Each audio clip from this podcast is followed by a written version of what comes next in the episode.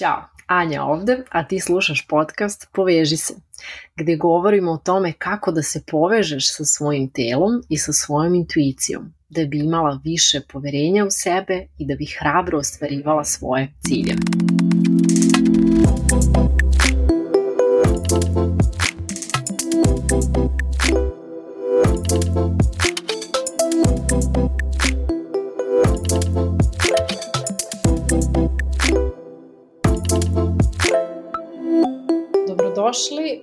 Epizodu 27. Nadam se da ste dobro i da uživate u ovoj jeseni. Ja sam odlično i uživam u ovoj jeseni. Kod mene radovi u stanu i dalje traju, ali se privode kraju, tako da baš se radujem tome. E, današnja epizoda je zapravo nastavak uh, prošle epizode 26, a u prošloj epizodi sam govorila o tome kako da ovladaš veštinom primećivanja, odnosno imenovanja onoga što ti se trenutno dešava. Dakle, to je bio prvi korak, cijela epizoda je bila o prvom koraku. A danas govorim o drugom i o trećem koraku i o bonus koraku. Govorim o ovim koracima, zašto? Zašto je to bitno? Zato što će ti oni pomoći da imaš veću moć odluke, zapravo da odluka bude ono suvereno samo tvoja i da samim tim onda imaš i veći uticaj u svom životu na svoj život, jer sa ovim koracima radimo sa nervnim sistemom, sa mozgom, sa umom, I takođe, kada savladaš i počneš da primenjuješ ova tri koraka, osetit ćeš da te manje vuku spoljašnji neki faktori i uticaji, a više ćeš se povezati sa svojim pravim željama, sa onim što ti zaista želiš i negde kao rezultat toga manje ćeš prokrastinirati, odnosno odugovlačiti, ovaj, poželećeš da se odma baciš u akciju i da radiš stvari koje si odredila i koje su ti zaista bitne, manje ćeš ugađati drugima,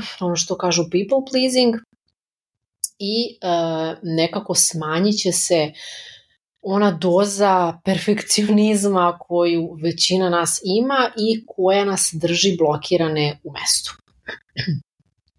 Dakle, primenjujući ova tri koraka o kojima govorim u ove dvije epizode, bit ćeš u stanju da se lakše povežeš sa sobom i da prestaneš sa onim ponašanjima i sa onim obrazcima za koja znaš da ti ne služe, a bit ćeš u stanju to da uradiš baš zato što ćeš umeti da ih prepoznaš i da onda odlučiš šta ćeš sa njima da radiš.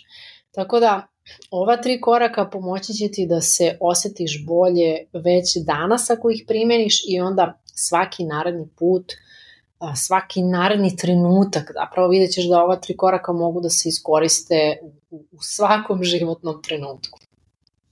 Ok, danas prelazimo na drugi korak, a to je jedan jako bitan korak i zove se prihvatanje. e sada, ovde se mnogi od nas potiču na ovom koraku, zato što ljudi uglavnom misle da ako nešto prihvate, da to znači ili da će ih taj osjećaj uh, ili situacija uh, preplaviti ili da će ostati zarobljeni, odnosno zaglavljeni u njemu. I to sam mnogo puta čula i od mojih klijenata na coachingu kada tek krenemo da radimo sa nekim mindfulness praksama, da kažu da im je komentar da se, na primer, plaše da se suoče sa tugom koju nose i koju osjećaju i da pokušavaju uporno da je potisnu i da, ne znam, puste muziku, vide se s prijateljima, da rade bilo što drugo, samo da odagnaju tu tugu i onda kad malo zagrebemo dublje, dođemo do toga da se plaše zapravo da ukoliko otvore se ka toj tugi koja je prisutna, da će ih ona zarobiti i preplaviti i da će onda ona otprilike obojiti čitav njihov život. Međutim, u praksi, kada krenemo da radimo sa prihvatanjem, mi vrlo brzo shvatimo da to uopšte nije tako. I hajde da vidimo ovaj, kako zapravo, kako, kako se to radi, kako se prihvata. Ok. Znači, obično kada uh, prihvatimo, odnosno kada primetimo, kada za, napravimo taj prvi korak koji je uh, primećivanje, uh, odnosno imenovanje, dakle kada primetimo kako se osjećamo ili koje dominantne misli imamo, obično sledi sledeća misao. Ne bi trebalo ovako da se osjeća. Ili ne bi trebalo ovako da razmišlja. Evo, seti se sada ti neke svoje situacije gde si možda primetila da si, ne znam, da osjećaš ljubomor ili zavist ili da si, uh, da osjećaš ljutnju, frustraciju. I onda kad primetiš, onda je sledeći komentar koji daš sama sebi, ne bi trebalo ovako da se osjećam, ne bi trebalo ovako da razmišljam, ne bi trebalo ovo da mislim, šta je ovo? Ili pitanje, zašto se ovako osjećam, zašto ovako mislim ili razmišljam? E sada, kad sebi postavljamo, krenemo da uh, postavljamo takva pitanja ili komentare, ne bi trebalo da se tako osjećam ili zašto se tako osjećam, to je onda, uh, dolazi do otpora. Do otpora prema onome što je trenutno prisutno. I otkriću vam sada jednu tajnu. Tu leži seme sve naše patnje, ljudske. U smislu kada pružamo otpor onome što je trenutno prisutno. Znam da možda na prvu loptu zvuči onako dosti normalno, ali vidjet ćete kad malo uh, uđete dublje u praksu i kada zaista počnete da praktikuje, vidjet ćete da je to velika istina. O tome govori Thich Nhat Hanh, Pema Chodron, Tara Brach. Zapravo u korenu svega svih tih učenja naći ćemo i budističko i hrišćansko učenje na tu temu. Tako da, još jedna stvar je jako bitna, uh, nauka takođe pokazuje i dokazuje da kada se opiremo, kada pružamo otpor nečemu što je što se prosto trenutno dešava, što je činjenica, naš nervni sistem odlazi u um, simpatetički način funkcionisanja, odnosno aktivira alarm da nešto nije u redu nešto nije okej. I dokle god mi pružamo otpor, bit će nam teško da iz tog stanja izađe. Jer je nervni sistem aktiviran i u fazonu je ovde nešto nije okej, okay, moramo da budemo, uh, kako kaže, um, kao moramo da budemo u, u pripravnosti, jer nešto, nešto će se desiti.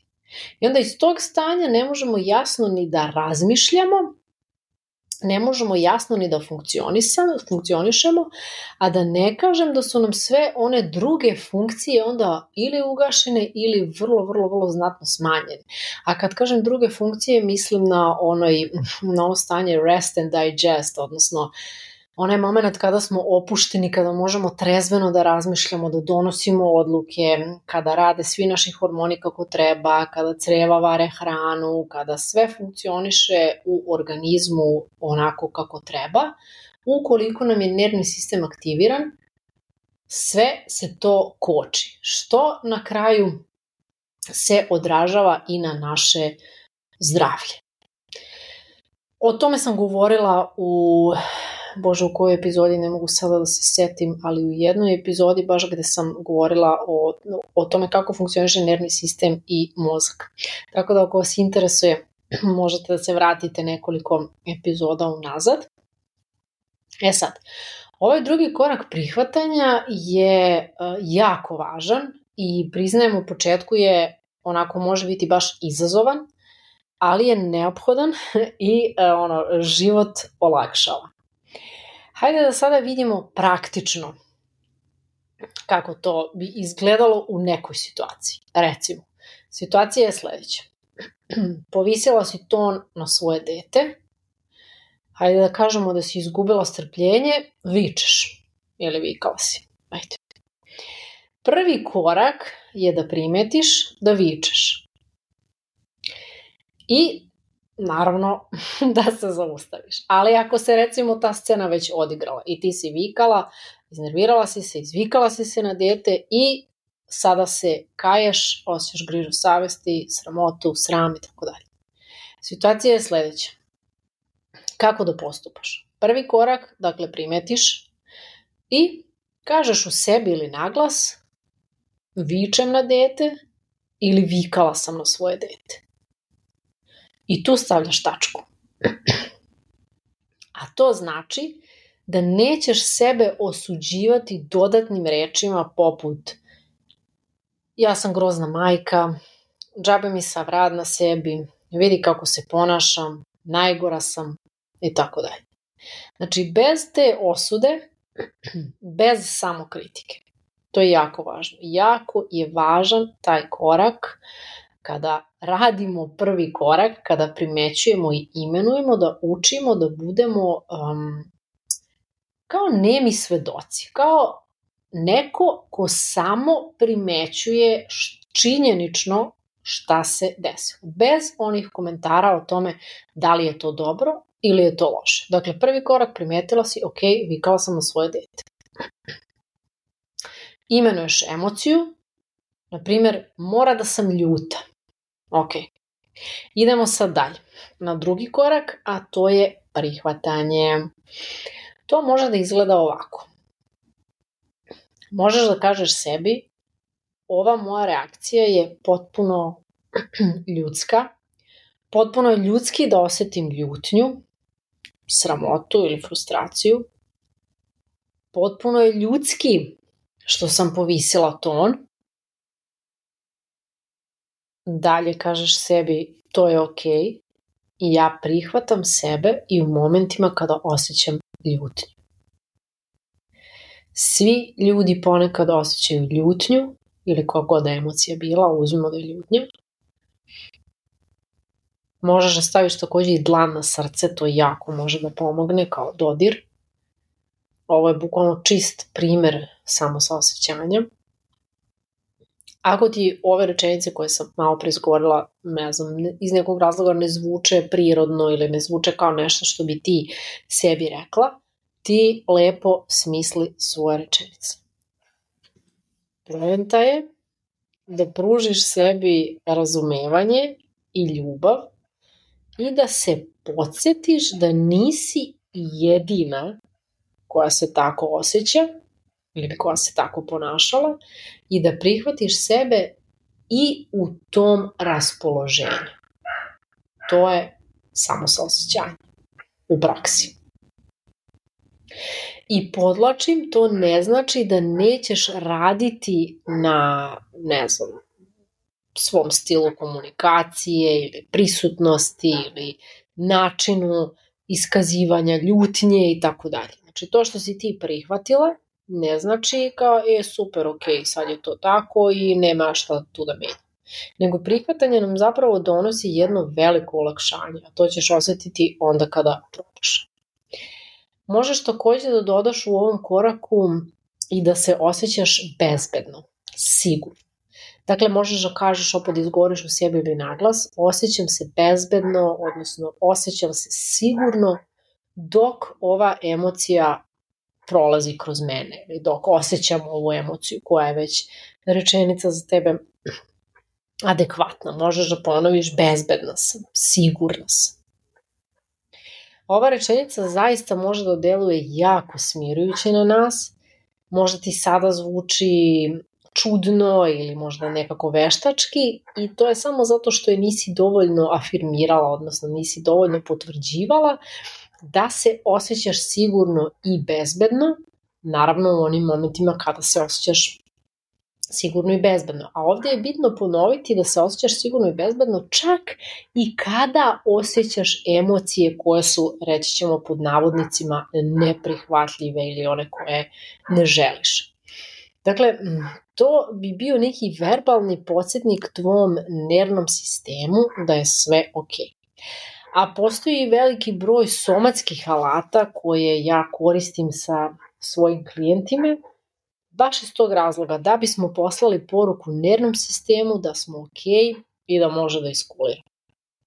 Neke od ovih alata ja sam kačila na svojoj Instagram stranici pod Anja Susak, tako da pogledajte, izuzetno su korisni.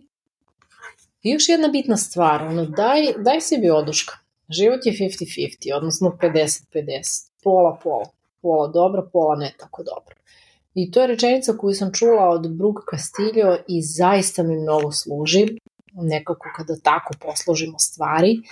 O tome govori i budistička tradicija, ali nekako mi se čini da ovako rečeno kao život je 50-50, onako vrlo je uprošteno i vrlo onako zvuči, nekako nas otrezni nas u, u trenutku. Znači, vrati nas u ono da ne može sve biti 100% uvek ono, sjajno i kako bismo mi želeli, jer verovatno bi nam onda bilo i dosadno. Ali ok, to je neka druga tema. Idemo na treći korak. Treći korak je procesuiranje, odnosno procesuiranje toga što se desilo kroz telo. Dakle, ne umom, već telom. Dozvoljavaš svom telu da procesuira tu emociju. Postoji više načina za ovo na koje možemo ovo da radimo. Ja kada radim jedan na jedan sa klijentima, prilagodim osobi naravno proces kroz koji prolazimo, ovde je to nemoguće, pa ću sa vama podeliti nekoliko načina koji vam zaista mogu biti korisni. Prva stvar koju možeš da uradiš je da dozvoliš da telo uradi ono što mu se radi. Odnosno, Ako osjećaš ljutnju i nakon toga recimo telo krene samo da drhti, nemoj ni pod kojim okolnostima da prekidaš taj proces. Ovo je izuzetno važno, naročito i nakon nekih stresnih situacija. Ako telo počne da drhti, dozvoli. Nemoj da prekidaš. Sad mi pada na pamet kao jedan onako vrlo očigledan primer za to. Um, na primjer kad vas, kad vas nešto uplaši. Ili ono kad, ne znam, desilo mi se, ili kad prelazim ulicu pa onako iznenada neko, na primjer, ili izađe, ili zakoči, ili ono, moguće da se tebi desila neka takva situacija ili bilo koja situacija koja te onako iznenada uplaši I ti sad tu odreaguješ i onda nakon recimo minut, dva ili nekad čak i manje, srce se onako ubrzano krene da lupa i telo počne da drhti.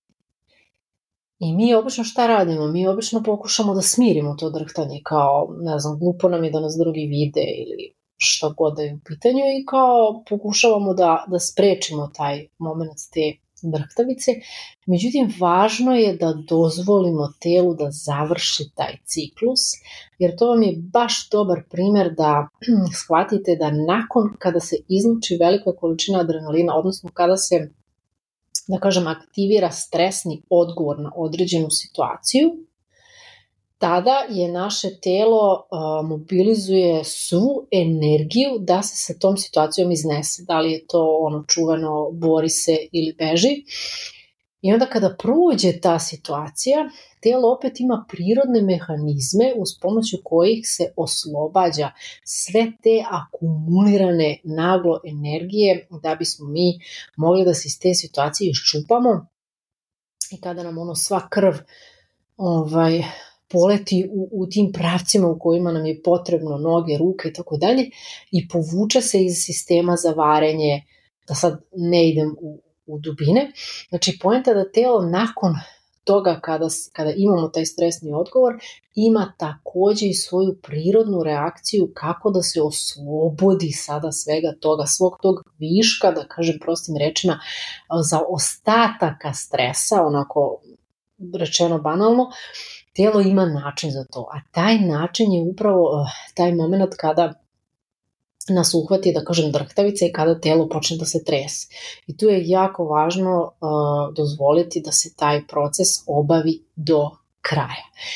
Jer time smo izbacili to iz svog nervnog sistema. Dakle, očistili smo sve te ostatke i neće se stvarati onaj takozvani allostatic load mm, zaista ne znam kako bih to prevela na naš jezik, ali nije ni bitno, uglavnom taj ostat, ostaci tog stresa ne ostaju u nama, nego ih izbacimo.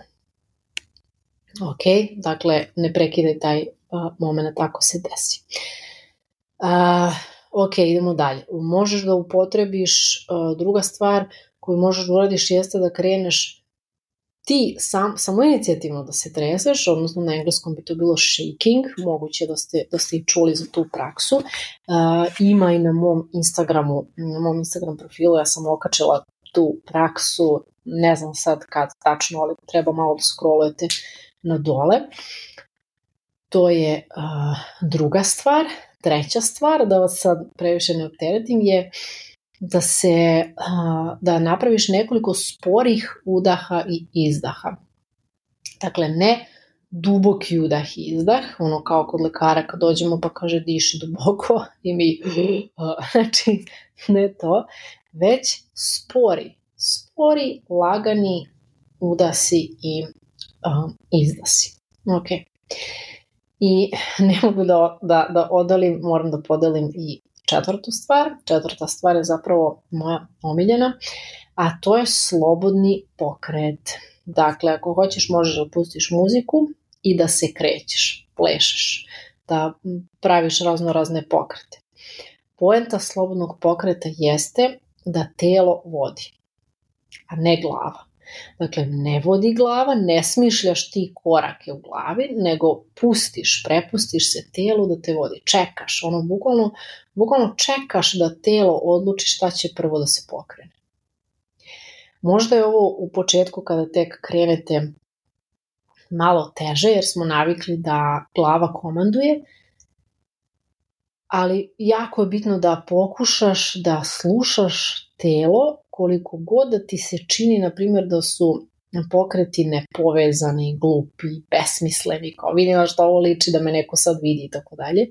Nebitno, zaboravi na to, sama si, prepusti se, ono bukvalno, bukvalno možeš da staneš na sred sobe, da pokušaš da se spustiš u telo i da čekaš koji deo tela želi prvo da se pokrene. I onda tako krećeš prsti, stopala, kukovi, vrat, što god. Samo slušaš. Neka te telo vodi. Takođe, imam za vas dobru vest, a to je da imam praksu i za ovo. E, nije na Instagramu, ova praksa se nalazi na linku u okviru mog profila na Instagramu, tu ćete najlakše naći taj link. Toplo preporučujem da a, skineš tu praksu, mislim da traje nekih 15-20 minuta. To je zapravo uvodni deo te prakse koju ja inače radim s klijentima, tako da obavezno to preporučujem i možeš da mi se zahvališ kasnije kroz feedback na, na ovu epizodu. Ok, znači to su bila ta uh, tri koraka. Prvi je bio primeti imenu drugi je bio prihvati i treći je bio procesuiraj. Nakon ova tri koraka ide bonus korak, da bi nam se ova prva tri koraka zapravo isplatila e, na duže staze dalje u životu i da znamo šta ćemo sada s tim. Um, ka, ka, zapravo da znamo kako, kako želim da se pojavim u svom životu. Šta želim da kreiram svesno. Kako želim da se osjećam na primjer kakva želim da budem sa svojom decom, kakva želim da budem sa partnerom, kakva želim da budem sa kolegama na poslu, u svom biznisu. Ne želim da budem ljuta, isfrustrirana i da vičem, recimo. Želim da budem mirna, staložena, ukorenjena. I to je ono na čemu radimo na coachingu, jedan na jedan. Radimo na tome da obrišemo te stare obrazce ponašanja koji nas vuku da tako da se ponašamo na određene načine koji štete nama, našoj porodici, kolegama, našem biznisu, a da toga nismo ni svesni. Dakle, vežbamo te korake da osvestimo to, da prihvatimo, naravno procesuiramo i onda šta ćemo dalje? Šta ćemo sad dalje? Kako ćemo da menjamo na duže staze te obrazce i čime ćemo ih zameniti, kojim obrazcima? I ovde je vrlo uh, vrlo koristan uh, onaj, taj somatski deo koji ja koristim na coachingu sa, sa klijentima, da zaista kroz telo, jer naši svi obrazci žive u telu. To je prosto činjenica. O tome sam isto govorila u jednoj od epizoda prethodnih. I onda da bismo promenili obrazce ponašanja, to jest naše navike i na, naš, način na koji mislimo i način na koji se ponašamo, neophodno je da utisnemo nove obrazce ponašanja u telo, dakle da ih instaliramo u telo. I da bismo naravno na taj način onda izgradili a, život kakav želimo i o kome maštamo. E, na coachingu radimo celovito, radimo sa telom, radimo sa mozgom, radimo, odnosno sa nervnim sistemom i radimo sa srcem. Kod mene na coachingu su mindfulness, samosaosećanje i nervni sistem i taj somatski deo jedna celina, odnosno prizma kroz koju radim sa klijentima i na taj način postižemo najbrže i najbolje rezultate koji, su, koji zapravo daju dugoročne rezultate. Jer kad radimo samo sa jednim segmentom, ne kažem da, da se neće desiti rezultati, naravno desit će se bolje raditi bilo šta nego ništa, ali prosto je drugačije i osim toga ovo je metoda uh, po kojoj ja radim i gde sam ja sama lično na svom primjeru osetila najveće promene kao i na primjeru mojih klijenata. Tako da, ako ti se sviđa ovaj pristup i želiš da radiš na tome i na taj način, na tome da poboljšaš kvalitet svog života, jedan na jedan, javi mi se preko linka koji se nalazi ispod ove epizode da zakažemo coaching konsultaciju, da se upoznamo i da vidimo da li možemo da radimo zajedno. I ako ti ova epizoda bila korisna, podijeli je sa drugaricom, ostavi mi feedback, volimo da čujem ovaj, vaš feedback na epizode. I hvala puno um, ako si oslušala epizodu do kraja, mnogo mi to znači i želim zaista da um, primeniš sve ove korake o kojima sam pričala, postoji mnogo praksi uh, koje ja dajem besplatno na Instagramu uh, preko mog newslettera i na svim linkovima na mom profilu. Ako zaista želiš da ono napraviš uh, trajnu promenu, javi mi se da radimo jedan na jedan. Hvala na pažnji, uživajte i čujemo se narednog petka. Ćao!